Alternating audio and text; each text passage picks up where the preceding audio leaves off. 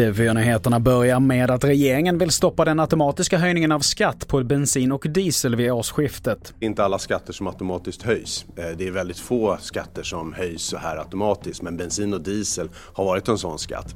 Eh, men jag tycker inte att det är rimligt att göra det i det här läget. Därför att det har varit väldigt höga priser i år och vi har haft hög inflation. Och det sa finansminister Mikael Damberg. Vidare till Lund där tågtrafiken har stängts av efter att en person blivit påkörd av ett tåg, det rapporterar Aftonbladet. Mannen som är i 20-årsåldern ska ha fått föra till sjukhus med allvarliga skador. Vad som orsakat händelsen är oklart, men polisen har spärrat av ett område runt om stationen.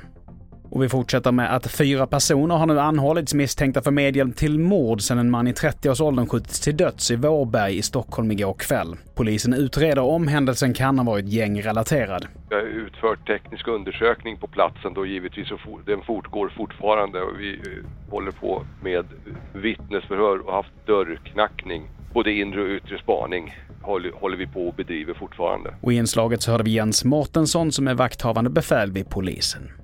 Och så vidare till USA där den tidigare presidenten Donald Trump har förhörts under ed i det civilrättsliga målet om hans fastighetsaffärer. Men väl på plats så valde han att inte svara på åklagarens frågor utan sa bara att han inte har gjort något fel och hänvisade till den amerikanska grundlagens femte tillägg som innebär att en person har rätt att vägra svara på frågor.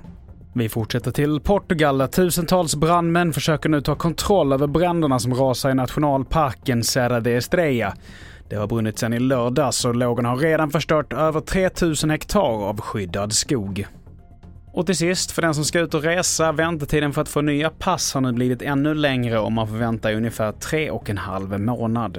Men enligt polisen så är botten nu nådd och hädanefter ska leveranstiderna bli kortare. Leverantören i Finland har haft stora problem att producera pass i tid när efterfrågan varit stor. Men nu när företaget effektiviserat produktionen så ska 300 000 pass kunna levereras varje månad.